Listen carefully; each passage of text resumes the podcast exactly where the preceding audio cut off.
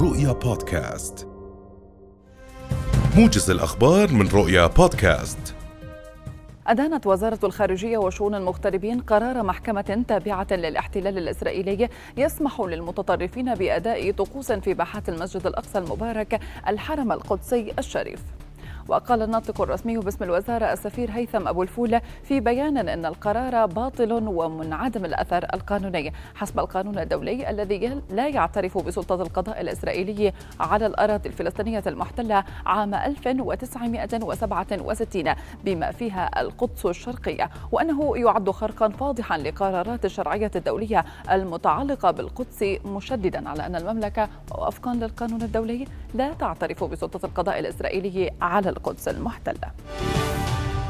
أغلقت فرق الرقابة والتفتيش التابعة للمؤسسة العامة للغذاء والدواء مديرية الأجهزة الطبية والمستلزمات وبالتعاون مع مديرية الأمن العام الإدارة الملكية لحماية البيئة مصنعا مخالفا لمواد التجميل في عمان. وبين مدير عام المؤسسة الدكتور نزار مهيدات أنه تم ضبط في المصنع كمية من كريمات الجسم والشامبو ومواد التجميل المصنعة باستخدام مواد أولية منتهية الصلاحية. قدرت بنحو 30 طنا مضيفا أنه تم التحقق التحفظ على المواد المضبوطة وإغلاق المصنع بالشمع الأحمر والمباشرة باتخاذ كافة الإجراءات اللازمة بحق القائمين عليه.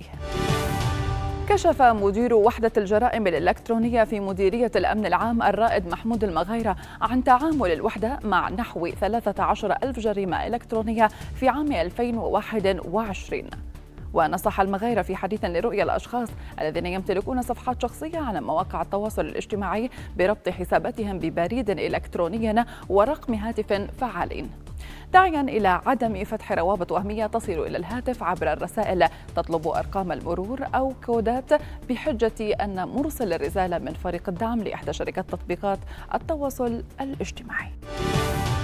توقع أمين عام نقابة الملاحة الأردنية الكابتن محمود أو محمد عفوا الدلبيح ارتفاع أجور الشحن في العالم بنسبة قد تصل إلى 10% وبين الدلبيح في حديث لرؤيا اليوم أن من بين الأسباب التي سترفع أجور الشحن البحري ارتفاع رسوم العبور في قناة السويس والعملية العسكرية الروسية في أوكرانيا التي جمدت حركة الملاحة إضافة إلى شح عدد البواخر وارتفاع أسعار المواد الأولية في بلاد المنشأ.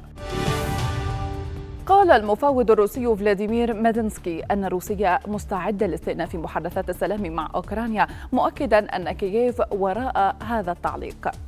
وأضاف ميدنسكي في مقابلة مع التلفزيون البيلاروسي أن روسيا مستعدة لمواصلة الحوار معتبرا أن الكرة باتت اليوم في ملعب أوكرانيا وجرت مفاوضات بين الجانبين بعد بدء الحرب الروسية الأوكرانية في الرابع والعشرين من شباط حيث التقى وزيرا خارجية روسيا وأوكرانيا في آذار الماضي في تركيا ثم اجتمع الوفدان في إسطنبول لكن دون أي تقدم.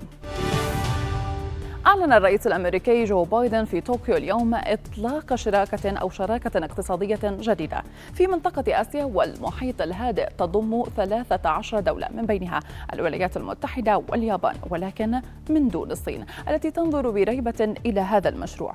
ولا يعد الإطار الاقتصادي لمنطقة المحيطين الهندي والهادئ اتفاقية تجارة حرة ولكنه ينص على مزيد من التكامل بين الدول الأعضاء في أربعة مجالات رئيسية هي الاقتصاد الرقمي وسلاسل الإمداد والبنية التحتية للطاقة النظيفة ومكافحة الفساد.